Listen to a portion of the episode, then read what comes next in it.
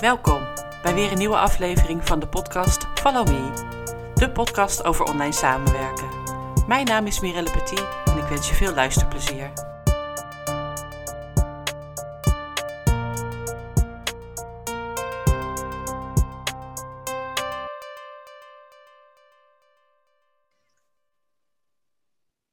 Hallo allemaal, welkom bij deze aflevering van de podcast Follow Me. Bij mij te gast vandaag is Edith Middendorp van Edith Coach Talent en Leertalent. Als ik het goed zeg, toch Edith? Ja, Edith Leertalent. Edith Leertalent. Coachtalent en Edith Leertalent. Ja, maar je hebt het helemaal goed, Rella. Nou, super eh, Edith dat je, dat je deze podcastaflevering eh, met mij wilt doen. Dit interview, ik heb er heel veel zin in. Wij kennen elkaar via een gezamenlijke dame, Absoluut. Colette Rovers. En eh, zij vond dat wij, eh, eh, zij dacht dat wij een leuke match zouden hebben. Nou, we hebben elkaar eerder gesproken, dat bleek zo te zijn. Dus nou, we, hebben, we zijn verder gaan onderzoeken en vandaar deze podcast. Zou jij jezelf even willen voorstellen en vertellen wat je allemaal doet? ja, met de nadruk op allemaal, Ja, denk ik. Dankjewel. Nou, zoals je al heel mooi aankondigde, mijn naam is Edith, Edith Middendorp. En ik heb eigenlijk twee takken van sport. Eh, de ene is inderdaad Edith Leertalent. Dat was mijn eerste passie. Ja. En de tweede is Edith Coachtalent. Eh dat is mijn, eh, mijn laatste passie, om het zo maar te zeggen. Maar niet de allerlaatste vast. Jij kent het niet, nee. nee, ik ben toch nog niet zo bezig. lang, maar Ja, allemaal hartstikke leuk. Nee, Edith Leertalent heb ik opgericht voor eigenlijk boeiende projecten in het onderwijs. En dan vernieuwend onderwijs. Dat zie ik echt als een beetje als mijn missie. Eh, ehm, ik heb een project over ondernemen en een project over talent. mhm. En eh, daarbij begeleid ik heel veel jongeren voor studiekeuze. Dat is eigenlijk oorspronkelijk was dat mijn concept, om het zo Ja. maar te zeggen. En sinds een, eh, nou, april dit jaar heb ik Edith Coach Talent opgericht. En daarbij ben ik, werk ik voornamelijk met volwassenen en jongvolwassenen, zeg ik dan, op het gebied van persoonlijke ontwikkeling en professionele ontwikkeling. Maar ook weer vanuit talent. ja. Dus er zit zeker een rode draad. Ik doe heel veel, maar talent komt altijd weer terug. ja, en je zegt ehm, eh, jongeren voor het leertalentstuk. Welke leeftijd hebben die jongeren? Ja, dat zijn eigenlijk de middelbare scholieren. Dus dat kan 13, 14, maar ook 16 zijn eh, als ze een, eh, een, een, studiekeu of een vakkenpakket moeten Ja. kiezen. Maar dat kan ook zijn als ze op het eindexamenjaar zitten van de MAVO, HAVO, VWO. En dan zoeken naar een eh, vervolgstudie. Eh, maar het kan ook zijn eh, als ze al wat ouder zijn. dat ze van school af zijn en eigenlijk helemaal niet weten wat ze dan met Ze hun willen, papiertje ja. willen, willen gaan doen. Dus ik, ik plak daar geen leeftijden aan. Ik hou sowieso niet van etiketjes en van labeltjes. Dus hier ook niet, maar om een indicatie te geven, is het eigenlijk, nou zeg van middelbare school tot, nou ja, tot Wat wanneer er je gaat nodig is. Tot wanneer je studeert. Ik bedoel, studeren kan je op iedere leeftijd, denk Ja. ik dan. Zeker. Ja. Dus dat, En dat eh, doe je hoe lang? Hoe lang ik dat nu doe? Ja, die twee Eh, ik, ben in, ja, ik ben in 2019 ben ik, eh, afgestudeerd. Ehm, ik heb, ja, daar kunnen we het daar wel misschien over hebben, anders dan lopen we weer op de zaken vooruit. Ehm, maar in 2019 heb ik toen mijn praktijk opgericht. Eigenlijk al wat eerder, omdat ik tijdens mijn afstuderen een, eh, een jongen ging begeleiden. Ik noem hem steeds Schoenenjongen. Die heel creatief was. Die eh, eh, in zijn vrije tijd 14 jaar en schoenen ontwierp. Dan dacht Oh. ik, nou welke jongen doet dat dan? Mhm. Maar niet standaard was en ook niet standaard leerde en heel erg vastliep in het schoolsysteem. Ja. En ouders echt bij mij aan de deur met die jongen belden beneden, beneden van Edith, mogen we hebben gehoord dat jij al aan bezig bent. Eh, wil je hem eh, zien? Dus ik heb ze gelijk naar boven gehaald, hebben gesproken. Ja, en ik kon eigenlijk al heel makkelijk plaatsen waar het hem in zat bij hem. En toen zeiden zij, ja, wil je met ons mee naar school? Om, om ons te vertegenwoordigen. En toen zat ik nog in mijn opleiding. Dacht Oh ik! Help. toen heb ik als de sodemieter heb ik, eh, nou ja, gezorgd dat er een website ook kwam, zeg maar. Want ik denk, ja, ik hou dan wel van kwaliteit en, Ja. en professionaliteit. Er moet wel wat staan. Ja, En ik ben meegegaan naar, naar die school om gesprekken te voeren uit naam van de ouders en uit naam van die jongen. Eh, ja, om zijn belangen te behartigen, want school begreep hem niet. En hij ging daar continu mee in conclaaf. ja. Dus En je ik hebt heb het uit dat kunnen leggen. Ja, ik heb het geluk eruit kunnen leggen en we hebben met elkaar gekeken, want zij kwamen met lijstjes. Ja, hij is zoveel keer gespijbeld en hij heeft zoveel keer dit. En zeg ik, ja, maar wij, we zitten hier voor een constructieve oplossing. En ik Mhm. heb hem zo en zo en zo ervaren. Ja. Kunnen we daar dan naar kijken? Dus ja, dat was een beetje het begin van mijn passie, zeg maar. 2019 zeg je? Ja, dat was begonnen in 2019. Wat ja. deed je daarvoor? Wat zeg je? Wat deed je daarvoor? Ja, ik eh, kom oorspronkelijk uit eh, helemaal niet met dit soort dingen in aanraking geweest. Maar ik eh, ben eigenlijk ondernemer en kom uit het bedrijfsleven. Mijn eh, vader was ondernemer, mijn oom was ondernemer. En toen ik mijn eh, eh, man leerde kennen, ruim 30 jaar geleden, eh, vertelde hij dat hij, nou vertelde hij niet gelijk, maar onder andere vertelde hij dat hij dyslectisch was. En heel erg had geworsteld ook op school. En dat de meester ook tegen hem had gezegd van, jij bent dom, jij komt er niet. Oh, echt. En dat is eigenlijk ook een beetje zijn leven gaan beheersen en beheren. En, eh, maar hij vertelde me ook dat hij een droom had. En Mm. eh, dat die droom ondernemer zijn eh, was. En dat hij heel graag, hij was altijd met autootjes bezig, een eigen transportbedrijf wilde hebben. En ik moet zeggen, in die tijd was ik heel standaard. standaard meisje die standaard dacht, met vanuit het, het schoolsysteem. En ik paste zo, hoppakee, ik gleed zo mooi in dat ik kon allemaal diploma's makkelijk halen. Dus wij zijn samen zijn we naar eh, eh, school gegaan in België. Eh. Een jaar lang. We hadden allebei een baan in loondienst. En we zijn samen naar school gegaan. En ook om, omdat je dan in België snel je vakbekwaamheidsdiploma kon halen. Ja. Dat hebben we gehaald. En ja, we zijn eigenlijk zijn droom een beetje gaan bouwen. En ik zag hem floreren. Ik zag hem zijn talenten benutten. En ik zag ook wat een geweldige man het was. En dat hij natuurlijk helemaal niet dom was. Nee. Wat die leraar op school ooit verteld had. Ja. En ehm, ja, dat, dat, dat heeft me wel eh, aan het denken doen zetten, zeg maar. Van hoe kan het dan dat er dat mensen gewoon het wel in zich hebben, maar dat het er niet uitkomt. Uitkomt. komt. Ja. ja, en ik was blij dat ik, toen was ik blij dat ik standaard was. Ja. Maar ja, inmiddels niet iedereen is standaard, denk ik dan, zeg maar. nee. Ja, dus ik heb een eh, ondernemersachtergrond en vanuit mijn, eh, ja, dat met mijn man, zeg maar, eh, ehm, ja, ben, heb ik hem geholpen om ondernemer te worden. En hij had ook nog een zoon die uit een vorig huwelijk die ook dyslectisch was. En eh, eigenlijk ja, met moeite VMBO elektrotechniek had gehaald. Maar bleek ook gewoon een hele mooie, bijzondere, talentvolle jongen. En slim. En slim, absoluut. En eh, ja, in, eh, in 2001 werd onze eigen zoon, eh, of onze andere zoon, gezamenlijke zoon, geboren. Zeker ook geen domme jongen, zeg ik altijd. Begonnen op HAVO-VWO en uiteindelijk MAVO-diploma gehaald. Mhm. Doorgestroomd naar het MBO. Ja, en ik heb me altijd afgevraagd van, hoe kan dat nou? Hoe kan Ja. het nou dat je inderdaad die intelligentie hebt, dat het niet lukt? Ja, dat is wel een soort, eh, dat is me altijd bijgebleven, om het zo maar te zeggen. Ja, dat heeft zich doorgezet, eh, uiteraard. Heeft eh, zich ja, absoluut ja. doorgezet. Ja, en eh, ja, toen, eh, wij hadden succes met het bedrijf. We hebben hard gewerkt, al zeg ik het zelf. Mhm. Misschien ook wel te hard. Eh, met als gevolg, eh, zeg maar, dat de passie van mijn man, ja, die kon die wel eh, doorvoeren in de vorm van het eh, bedrijf. En ik zag hem ook echt zijn talenten benutten. Maar op een gegeven moment zag ik ook hoe die ging kwakkelen met Ja. zijn gezondheid. Hoe er klachtje na klachtje na klachtje bij kwam. Ja. En ehm, ja, dan ben je nog bezig. Ik werkte ook in, en in loondienst en bij ons bedrijf. Eh, je hebt kinderen ook die, ja, waarbij het niet goed gaat, maar je doet het dan allemaal. En op een gegeven moment gebeurde er echt wel iets heftigs in ons eh, gezin.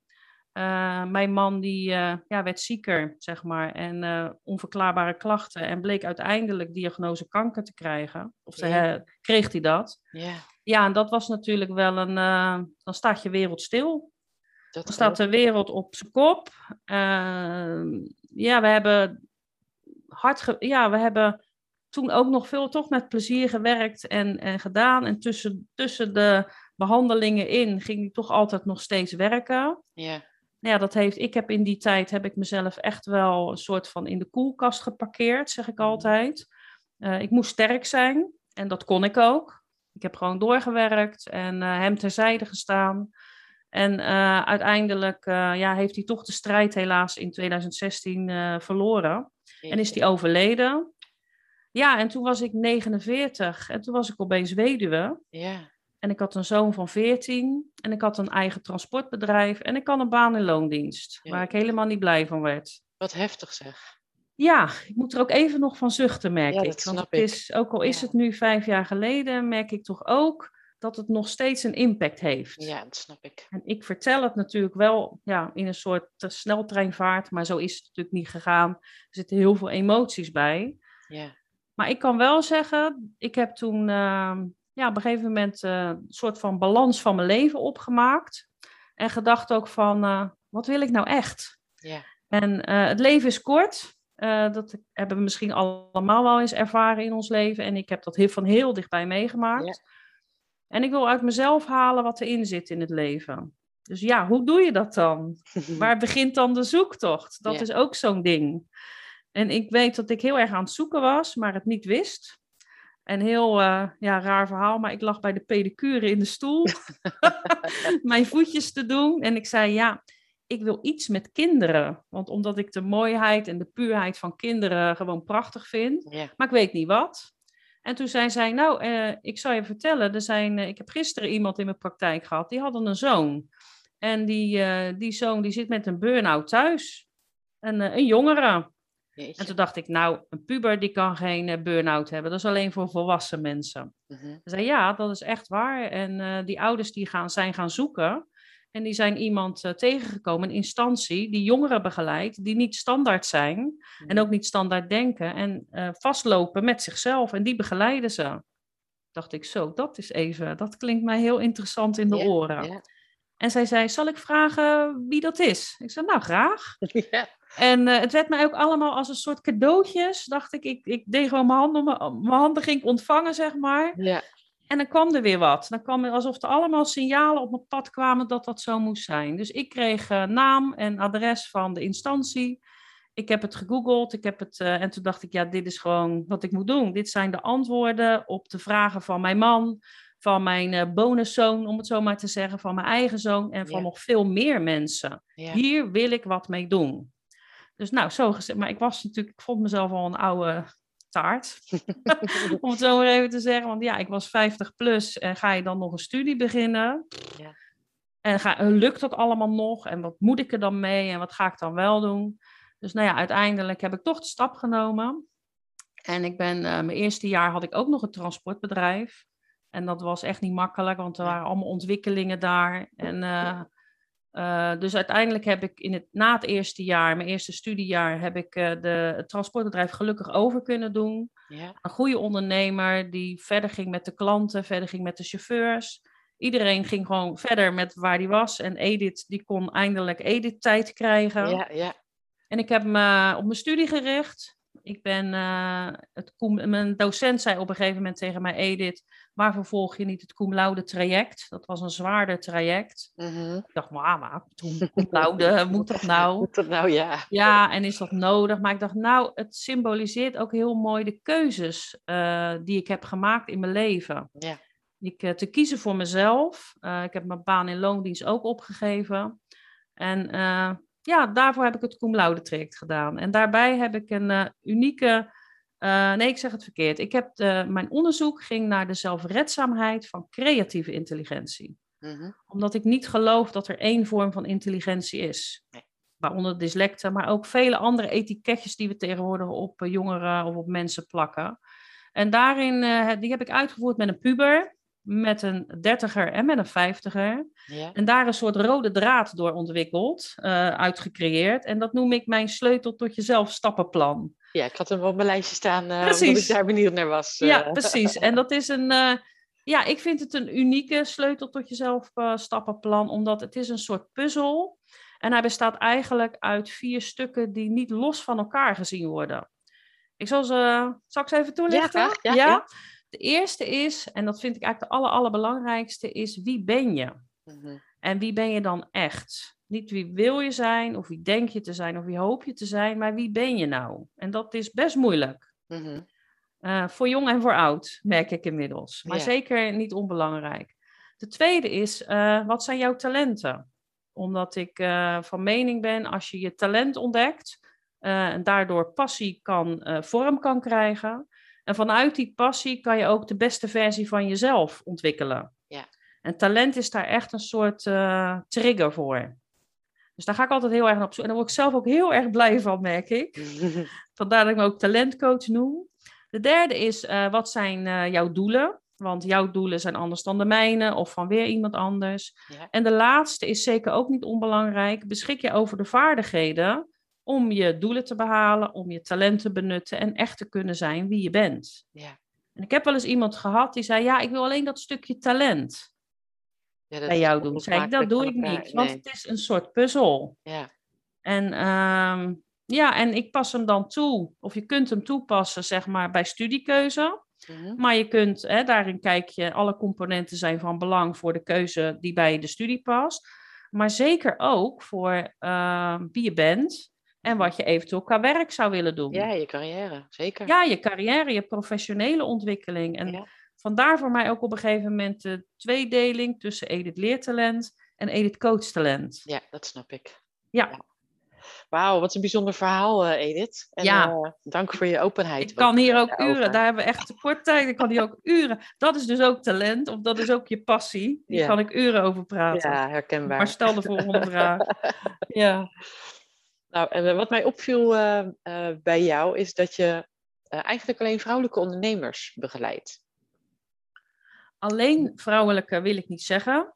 Eh, maar ik heb wel de laatste tijd de nadruk meer gelegd op vrouwen. Mhm. En waarom vrouwen? Eh, omdat eh, als Moeilijk ik terugkijk. natuurlijk. Moeilijk? Nee, juist niet. De vrouwen zijn toch moeilijk? Nee, ik vind het een hele mooie doelgroep die zoveel meer in hun mars hebben Mhm. dan dat we eigenlijk allemaal laten zien. Ja.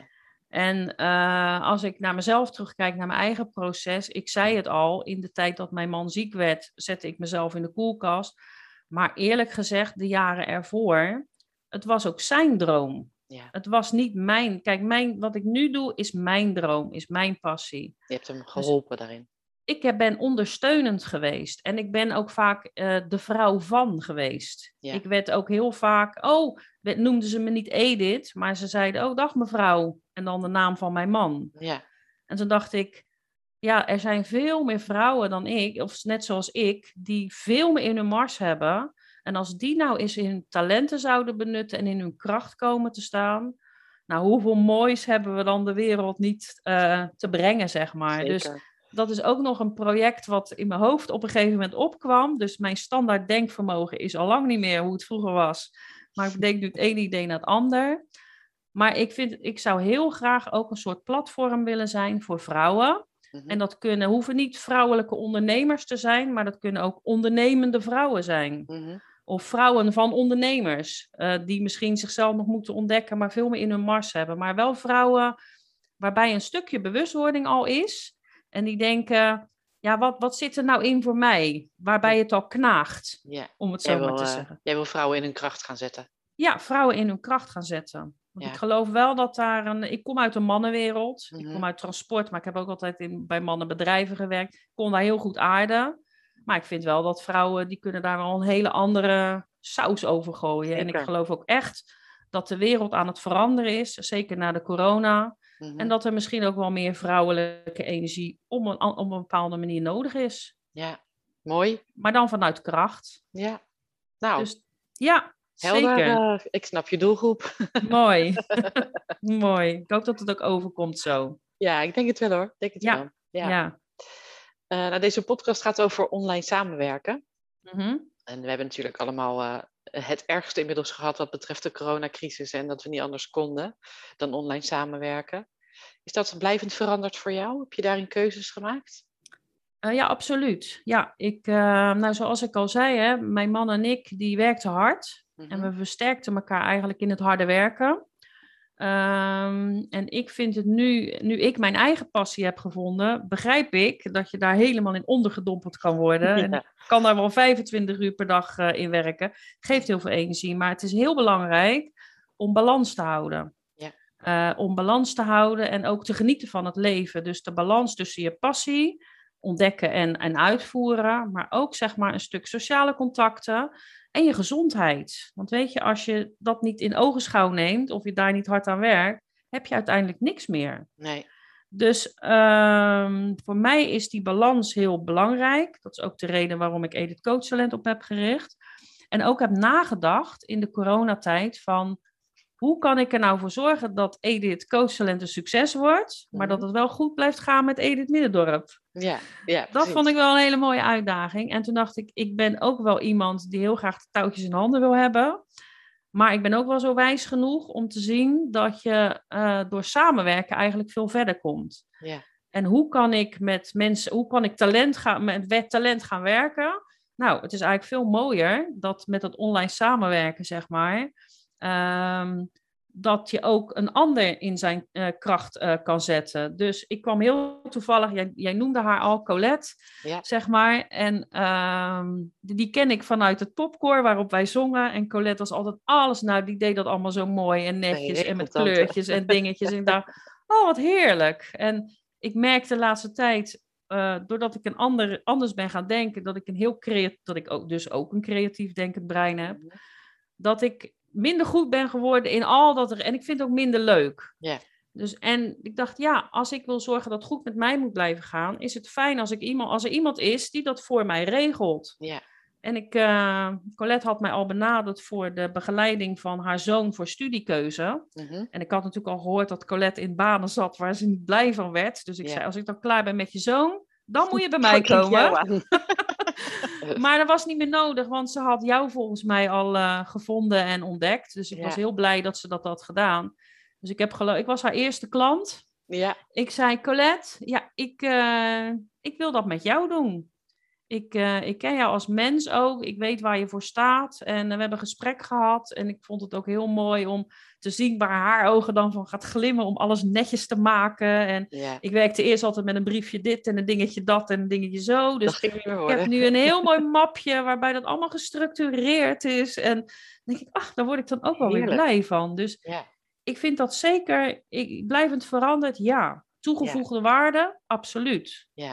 Ik denk dat het ook moet blijven, zeg maar. Dat denk ik ook. eh, Ja.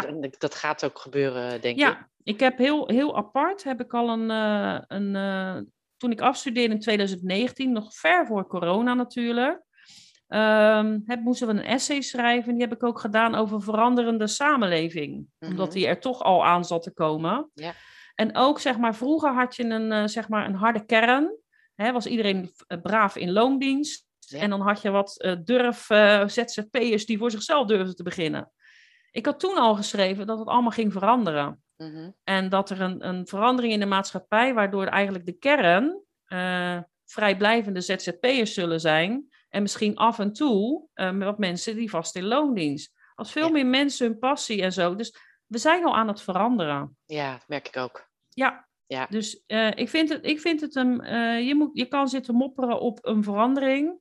Maar ik denk ieder systeem is aan verandering onderhevig. Alles. Ja. Of het nou het schoolsysteem is, het werksysteem, eh, Ja, je Het online systeem. Nee, en kijk dan naar wat er wel kan. Ik ben ook blij dat ik dat kan, gelukkig. Kijk dan naar wat de voordelen ervan zijn. Ja. En ga daarmee aan de slag. Ja. Ja, Nou, goed te horen. ja, Dus je werkt nu samen met, eh, met Colette in ieder geval? ja, niet alleen. Nee, Dat is wel een, ap- ja, dat is wel dat ik dacht, ik dacht in mijn wijsheid, nou, dat is makkelijk, want ik heb dan gewoon één VA en die doet alles. Mhm. Nou, dat was een beetje misschien onnozel gedacht. Want Colette, ik zag dat Colette bijvoorbeeld bij social eh, media en zo helemaal niet haar ogen gingen glimmen. Nee. En dat ze daar helemaal niet zo blij van werd. Dus ik dacht, oh, wacht even. Ja, ik zeg natuurlijk ook dat iedereen een talent heeft. En zo is het met een VA natuurlijk ook. Ja, zeker. Ze, en dan zeg ik jullie of ze, kunnen wel alles. Maar waar ligt, ligt jouw passie dan? Ja. Dus eh, uiteindelijk heb ik besloten, dat was wel even een omschakeling, om Colette echt te gebruiken voor procedures, voor systematiek, voor precies, voor ordelijkheid. Mhm. eh, dat organisatietalent. En ik heb iemand anders gevonden die heel goed is. En die, die werd helemaal blij weer van social media. dingetjes doen. En ik plaats nu zelf wel mijn bericht. Of tenminste, ik moet het even goed zeggen. Ik maak wel zelf mijn berichten. Ik maak op dezelfde manier mijn foto's. Altijd met een mooi groen kadertje erom. En een leuk Mm. fotootje en een plaatje. Maar zij maakt het even wat leuker voor mij. En zij plaatst het, zeg maar, op, uh, op social media. Ja. Vond ik trouwens heel spannend om dan alle dingen, wachtwoorden en zo te geven. Ja, ik denk, ja. ga ik het allemaal uit handen geven? maar ik heb het gedurfd. En ik merk nu al bij het schrijven van mijn uh, posts, zeg maar, dat er ruimte komt in mijn hoofd. Heerlijk. Waardoor ik, zeg maar, met mijn berichten meer de diepte in kan. Ja. Omdat ik hoef me over alle randvoorwaarden, hoef ik me niet meer druk te, hoef ik niet eens meer over na te denken, want Nee, dat gebeurt. Dat gebeurt. Ja. En dat is, ja, ik vind dat heerlijk. Goed hoor. Ja, dus En dat ook is goed ook, dat je dat zo, eh, zo ja, ehm, bent aangegaan, inderdaad, door verschillende VA's eh, ja, mee samen te werken. Ja. Want dat, dat vraagt wat van je. Het vraagt meer communicatie en eh, misschien andere communicatie. Want iedereen is anders. ja. Inderdaad, eh, vrijgeven van je wachtwoorden en, en al je zaakjes. Nou, gewoon alles. Ja, Ja. En, en- ja precies. Dat, dat is echt wel een. eh, ik vond het wel een stap, want ik ben Snap toch, wat ik zei, iemand van in controle zijn. Ja, En eh, ja, dan moet je dat opeens eh, ook samen met anderen doen. Maar Ja. ik Ja, ervaar wel gelukkig, eh, meerwaarde. gelukkig heb je goede ervaringen dan eh, Ja. daarin. Gelukkig, ja. Eh, nou, ik neem aan dat je voornamelijk eh, online met ze samenwerkt. Dus eh, mailen, bellen, videobellen misschien. Waar werken jullie mee? Ja, eigenlijk precies wat je zegt. Mailen, bellen, WhatsAppje soms. Het is een beetje, is het een, een, een standaard iets? Hè? Dan kan het gewoon per mail. Ja. Heeft, heeft de ander er ook, vind ik, meer tijd voor? Hè? Want ik kan me ook voorstellen, VA is niet alleen van mij. Nee, zeker niet. Dat is ook wel weer jammer, maar aan de andere kant begrijp ik dat. Ik ben nog niet zo groot dat ik eh, een VA die, die acht uur per dag voor mij kan werken. Eh, dus ja, dat, dan moet je moet ook iemand de tijd gunnen om, eh, om daarop te reageren. Dus het meeste gaat per mail. Mhm. Als het ad hoc, ik vind het wel prettig als er iets is, iets ad hocs, dat je iemand kan whatsappen of eventueel kan bellen. Ja. En ik heb ook gewoon de afspraak van eh, als het niet uitkomt, moet je niet opnemen. Nee, heel goed. Ja, dat lijkt me Ja. nog wel logisch. Ja, Dan, ja, eh, je hoeft niet andersom eh, ook. 24 uur eh, beschikbaar te zijn voor mij. Nee. Maar het zijn wel middelen die we gewoon zo gebruiken eigenlijk. We hebben een ik heb nu een, do- een Dropbox gemaakt met bestanden. Dat is voor mij ook wel heel handig, want ik had overal... Oh, daar wat staan, daar wat staan, daar wat staan. En nu is dat helemaal netjes zo. Heerlijk, goed eh, terug te vinden allemaal. Heerlijk. Ja, ik kan alles gewoon terugvinden. Lekker hoor. Ja. Zijn er ook nadelen voor jou met de VA werken? Of ben, of ben je daar inmiddels overheen? Want dan gaat het met name over het loslaten, denk ik.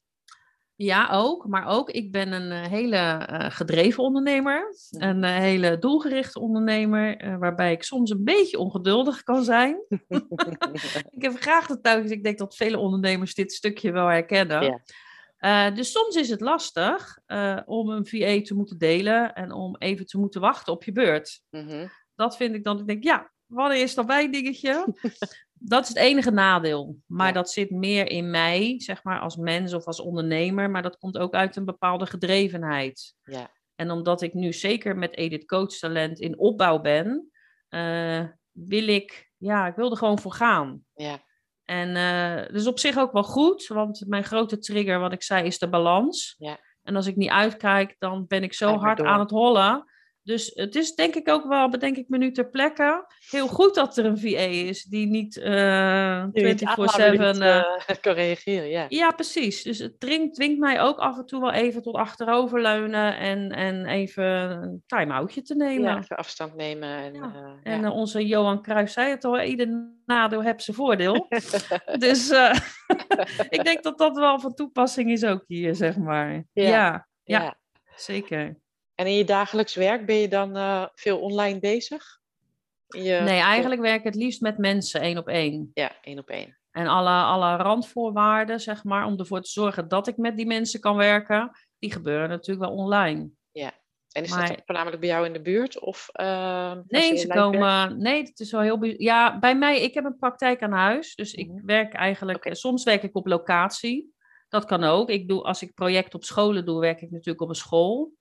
Ehm, dan ga ik daar gewoon naartoe. En als ik eh, klanten heb, gewoon in mijn praktijk één op één begeleiding. Ja, dan doe ik dat eh, meestal eh, gewoon bij mij. Dan Ja, heb ik alles ja. voorradig en het is, het is praktisch, het is makkelijk. Ja.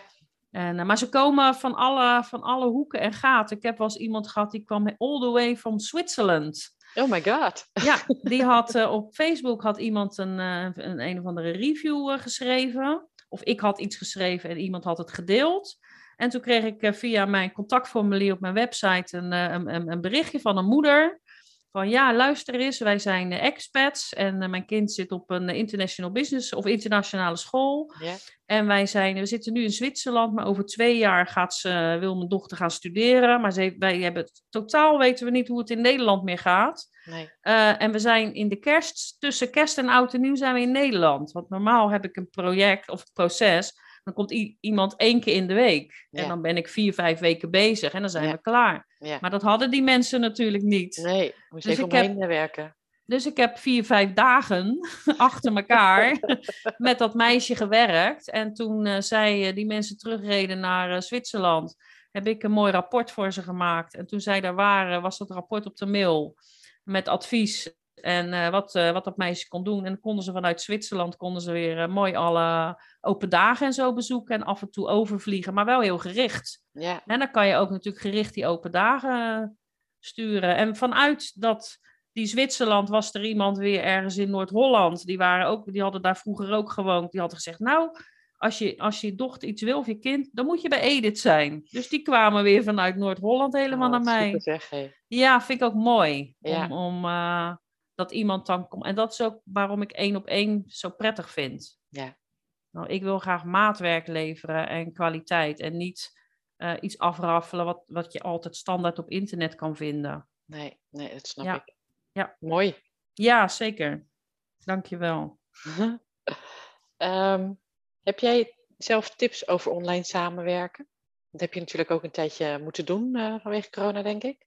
Ja, ik heb niet heel veel uh, projecten online hoeven te doen, gelukkig. Omdat ik uh, redelijk één op één werk, kon ik uh, zeg maar vanuit mijn praktijk, heb ik mijn praktijk omgebouwd.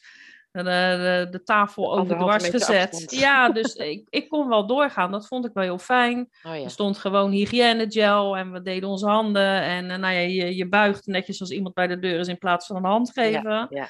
Maar weet je, ik vond dat eigenlijk wel heel, heel, heel prima. Wat ik wel vind over het online samenwerken, bijvoorbeeld met VA's, mhm. ehm, dat het wel uh, mooi is als je zeg maar uh, de VA haar of zijn uh, opdrachtgever goed kent. Mhm. Dus als die weet wat, wat drijft je en wat doe je ook. En als ik het heb met mijn VA over mijn sleutel tot jezelf, dat ze dat ook weten. Ja. Dat ik dat niet meer uit hoef te leggen, zeg maar. En dat, dat je dan ook snel kan schakelen, dat je elkaar aanvoelt. En daarvoor is het inderdaad wel van belang dat je elkaar ook af en toe eens live ziet. Ja, ja. ja precies. Dat, dan heb je dat gevoel. Maar dat kan, ook, dat kan wel online af en toe uh, over samenwerken. Ja. ja. Ja. Mooi. Ja, precies. Nou, mijn, mijn, ja, mijn andere vraag was: hoe zie jij de toekomst met betrekking tot online samenwerken? Maar daar ben je al wel duidelijk over geweest. En ik, ik denk zelf dat het veel meer hybride gaat zijn. Combinatie van live en, uh, en online. Ja. Uh, en dat dat prima kan Want werken. soms mis je nog wel online, vind ik heel prima voor bepaalde zaken. Ja. Maar live, het is soms toch nog wel even, en zeker in de coaching, zoals bij mij, uh, vind ik iemand zijn, uh, zijn uitstraling, de twinkeling in zijn ogen. Dat kan je niet zo goed online ervaren, zeg maar. Nee, nee, dat en is soms anders. is live toch nog wel net wat prettiger, maar ik zie zeker wel voordelen van de van het online uh, werken, wat jij heel terecht zegt. Ik denk dat het een, vorm, dat het een hybride zal worden. Ja. Of ja, is ben, al en zal blijven. Ik ben natuurlijk al heel lang uh, gewend om uh, online ja. te werken. Ja. Dus, maar ik, gelukkig zie ik mijn opdrachtgevers regelmatig. Ja. En, dus ervaar jij dat ook zo? Wat is voor jou dan de toegevoegde waarde? Ja, wat je zegt. Dat je, we hebben het dan niet per se over, over werk of zo. Wel mm -hmm. even, maar het gaat ook over hoe gaat het met jou persoonlijk. En daar spreek ik, ik spreek de meeste wel uh, wekelijks. Ja. Maar we kunnen dan net even wat dieper gaan en uh, nou ja, ja, ja. elkaar in de ogen kijken. En, uh, ja. Ja, ik ben daar wel heel blij mee. Ik vind dat wel heel waardevol. Ja, dat is het ook. Ja. ja. Persoonlijke touch. Zeker. Ja. ja. Heb jij nog vragen voor mij? Uh, vragen voor jou. Oh, dat is, die had ik niet verwacht. nou, vorige keer, uh, in ons voorgesprekje, toen zei mm-hmm. jij van, uh, die bedenk ik nu ter plekke, van nou, ik vind het wel leuk om met jou te hebben over passie in je leven. Ja. En nou, ik denk dat ik wel best wel veel heb verteld over de passie in mijn leven. Misschien heb je daar nog vragen over, maar ik ben eigenlijk benieuwd naar jouw passie in je leven. Nou, die zie ik dan weer niet aankomen. Hè, nee, deze. daarom. Leuk hè? mijn passie in mijn leven. Ehm, nou, ik ben er wel achter gekomen dat ehm, ik, ik, moest natuurlijk weg hè, bij het bedrijf waar ik uh, 21 jaar werkte. Ja. En ik zat er eigenlijk uh, prima op mijn plek en ik deed daar leuke dingen en waardevolle dingen. Ehm, maar het was ook al 21 jaar uh, een vast gegeven, zeg maar. Ja. Dus er gebeurde niet zo heel veel uh, spannends. En toen ik ondernemer werd, ik denk dat ik daar een beetje mijn passie heb ontdekt. Mhm. Mm -hmm. En ook mijn creatieve brein aan is gegaan, zeg maar. Ik wist niet dat ik zo creatief was. Ik deed gewoon mijn werk. Ik vind het leuk om, om te organiseren. Ben ik ook goed in. Ja. Ik kan goed met andere mensen samenwerken en communiceren. Maar door ja, dat werken... kon je al, zeg maar. Dat ja, deed je al in je oude werk al. Ja, dat ja. deed ik al in mijn oude werk. En daar kreeg ik vaak te horen, um, met name van de, van de trainers en coaches, dat ik meer zichtbaar moest zijn. Nou, ik had daar altijd een hekel aan als ze dat zeiden. Dan dacht ik, ja, dat, dat is helemaal niet nodig in mijn werk. Dus waarom moet dat? Eh, en ik wilde me ook helemaal niet in dat hoekje laten, laten drukken. Mm -hmm. um, en nu ben ik zo zichtbaar als maar zijn kan, denk ik, uh, op dit moment. en ik vind het ook leuk. Ja? En het levert me ook heel veel op. Het levert me heel veel leuke contacten op. Mm -hmm. Maar met name de creativiteit en, uh, en het ondernemerschap zelf vind ik heel erg leuk. Ja, is dat ook je passie dan? Of wat is dan jouw passie? Ja, ik denk ondernemen. Ondernemen. En dat, dat kan verschillende kanten opgaan. Ja. Uh, en ik, ik merk, weet je, in het begin toen ik net startte als VA, ja, dan is het spannend om te ontdekken. En hoe werkt dat dan? Kan Mhm. ik dat allemaal? En wat moet ik er allemaal bij leren? En, nou ja, dat is een proces wat nooit stopt. Want de wereld verandert en daarin uh, moet je zeker als VA uh, mee.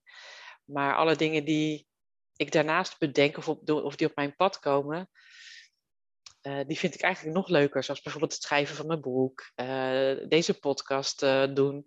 Dat doe ik iedere week. En dat is best een belasting als het gaat over tijd en creativiteit. Wie ga ik, wie ga ik benaderen?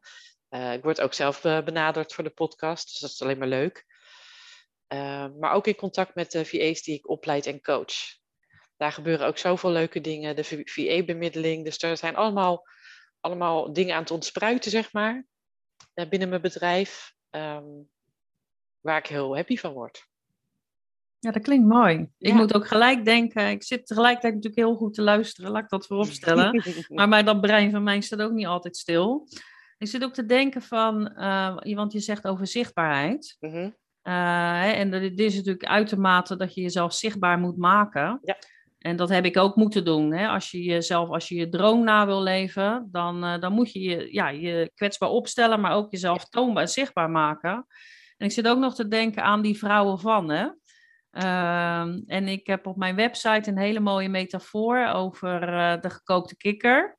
Die uh, in, in een pot met water zit. En als, je dan daar maar, als die kikker daar maar gewoon lekker zit, dan vindt hij het allemaal wel best. En langzaam uh, veranderen de omstandigheden. En die kikker heeft dat niet in de gaten. En op een gegeven moment gaat dat water borrelen en pruttelen en koken. En dan kan die er niet meer uit. Nee. Maar als je natuurlijk gewoon die kikker in die hete, hete uh, pot zou gooien, ja, dan springt hij er in een reflex uit. Er is niemand ja. die dan zeg maar in omstandigheden uh, dat zou doen, blijven doen. Dus wij zijn eigenlijk allemaal, denk ik wel, heel veel mensen in bepaalde omstandigheden geraakt door het leven. Of dat ja. dan een ziekte is, een overlijden, een echtscheiding of misschien wel een baan die niet helemaal bij je past. Je zit daar maar. Mm-hmm. Of dat dan in de koelkast is of als kikker, uh, bij de metaforen. Um, maar op een gegeven moment is het natuurlijk wel mooi als je uh, dat gaat herkennen en daar ook wat mee kan doen. En ik denk dat dat is onze gezamenlijke drive. Ja.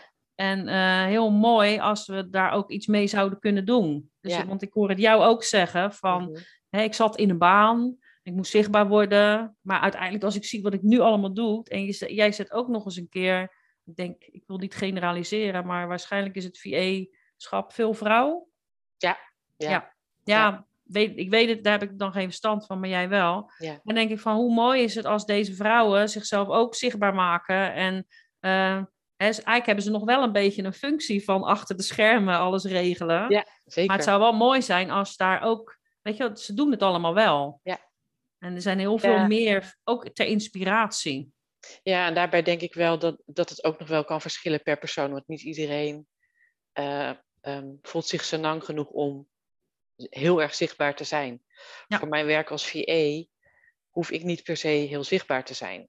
Heb ik het echt van mijn, voor mijn, van mijn warm- warme netwerk. Eh, ik heb nog nooit koude acquisitie hoeven doen. eh, eh, opdrachten komen mijn kant op. Ja. En dat bedoel ik niet arrogant, maar door, door gebruik te maken en contact te houden met mijn warme netwerk, heb ik daar voldoende werk in, zeg maar. Ja. Maar voor de opleiding en de podcast en de mastermind en weet ik wat ik allemaal doe, ja, daar, daar moet ik wel zichtbaar voor zijn. Ja. Ja, dus het is een mix. Het is een mix en het is zo Ja. gegroeid. En, ehm, en ik vind het ontzettend leuk, maar ja, het, levert, ja, het levert ook gewoon meer werk op. Eh, eh, alleen een post plaatsen op LinkedIn of, of ergens eh, je neus laten zien, dat is niet voldoende. Dat moet je ook afmaken. Ja, klopt. En Dat, dat is ondernemerschap ook, hè? ja. Ja, Ja. ja nee, ik ben. ik heb mijn, degene die mij toen ontslagen heeft, heb ik ook bedankt na Ja, een jaartje ongeveer. Ja. Eh, nou, de, de manier waarop was niet zo fijn, maar eh, ja. Nou, ik begrijp, ik begrijp je volkomen. Ik, ik zeg, oh ja, het klinkt heel raar als ik dat zeg, maar de dood van mijn man heeft mijn leven, mijn leven verrijkt. ja, Dat, is, dat klinkt heel raar als Ja. je dat zegt, dat iemand zijn dood jouw leven verrijkt. Dat bedoel niet dat ik hem niet terug zou willen, maar de situatie is zo, maar ik heb er wel wat mee gedaan. ja, precies. Je bent niet bij Nee. de pakken gaan neerzetten Nee. jezelf voorbijgelopen op, op die manier. Nee. Nee. En ik heb altijd twee spreuken. En als jij zegt van we zijn nu aan het einde van de podcast, wil ik die graag, die twee spreuken als laatste, dan nog een keertje toelichten. Tenzij jij, heb jij dan nog vragen verder? Nee, ik vind het leuk eh, te merken dat wij eh, eh, op dit moment heel erg in onze kracht staan, denk ik, als ik het zo mag noemen. ja, absoluut. Eh, ik vind je een ontzettend leuk mens. Nou, dank je. We kunnen lekker, Wederzijds. lekker kletsen, dankjewel. Ja, En, eh, nou, gooi je spreuken er maar in, Nou, dan gaan we ik daar heb er- precies. Ik zat tot te denken, oh, dat sluit ook heel aan, mooi aan op het laatste stukje, zeg maar, met de kikker en zichtbaarheid. Maar ik zeg altijd twee dingen. Talent krijgt pas waarde als je het benut. Mhm. Dus doe er iets mee. Ja. Het verrijkt je leven. En nog belangrijker misschien, droom niet over je leven, maar leef je Leef je dromen. Ja. Doe hem andersom. Zorg dat je niet in je hoofd blijft zitten, maar doe er iets mee. Benut die talenten. Dat is misschien wel mijn allergrootste afsluiter, zeg maar. Ja. Dus beste mensen, doe iets met je talenten. En als ze dat lastig vinden, want ik, eh, ik merk dat heel veel mensen ehm, ja, het lastig vin- vinden om hun droom na te leven. Ja. En dat er veel beren op de weg zijn en eh, veel onzekerheden. Daar kan jij ze mee helpen? Absoluut. En zeker vanuit Edith Coach Talent. Dus het Ja. is www.edith-coachtalent.nl. Gelijk even een kleine promotie. Eh, en die sleutel tot je zelfstappenplan, die werkt echt. Die is effectief bewezen bij dit soort processen. En ik ben heel blij dat ik hem heb ontdekt. En ook heel blij dat ik hem mocht toelichten vandaag. Dank je wel daarvoor. Heel graag gedaan. Jij bedankt voor het leuke gesprek. En wij gaan elkaar zeker nog spreken. Ja, lijkt me hartstikke leuk. Oké, dankjewel. Dit was weer een aflevering van de podcast Follow Me. Ik hoop dat jij er iets aan hebt gehad. Je kunt mij volgen onder mijn naam Mirelle Petit of onder Wellness Office Academy. Tot de volgende keer.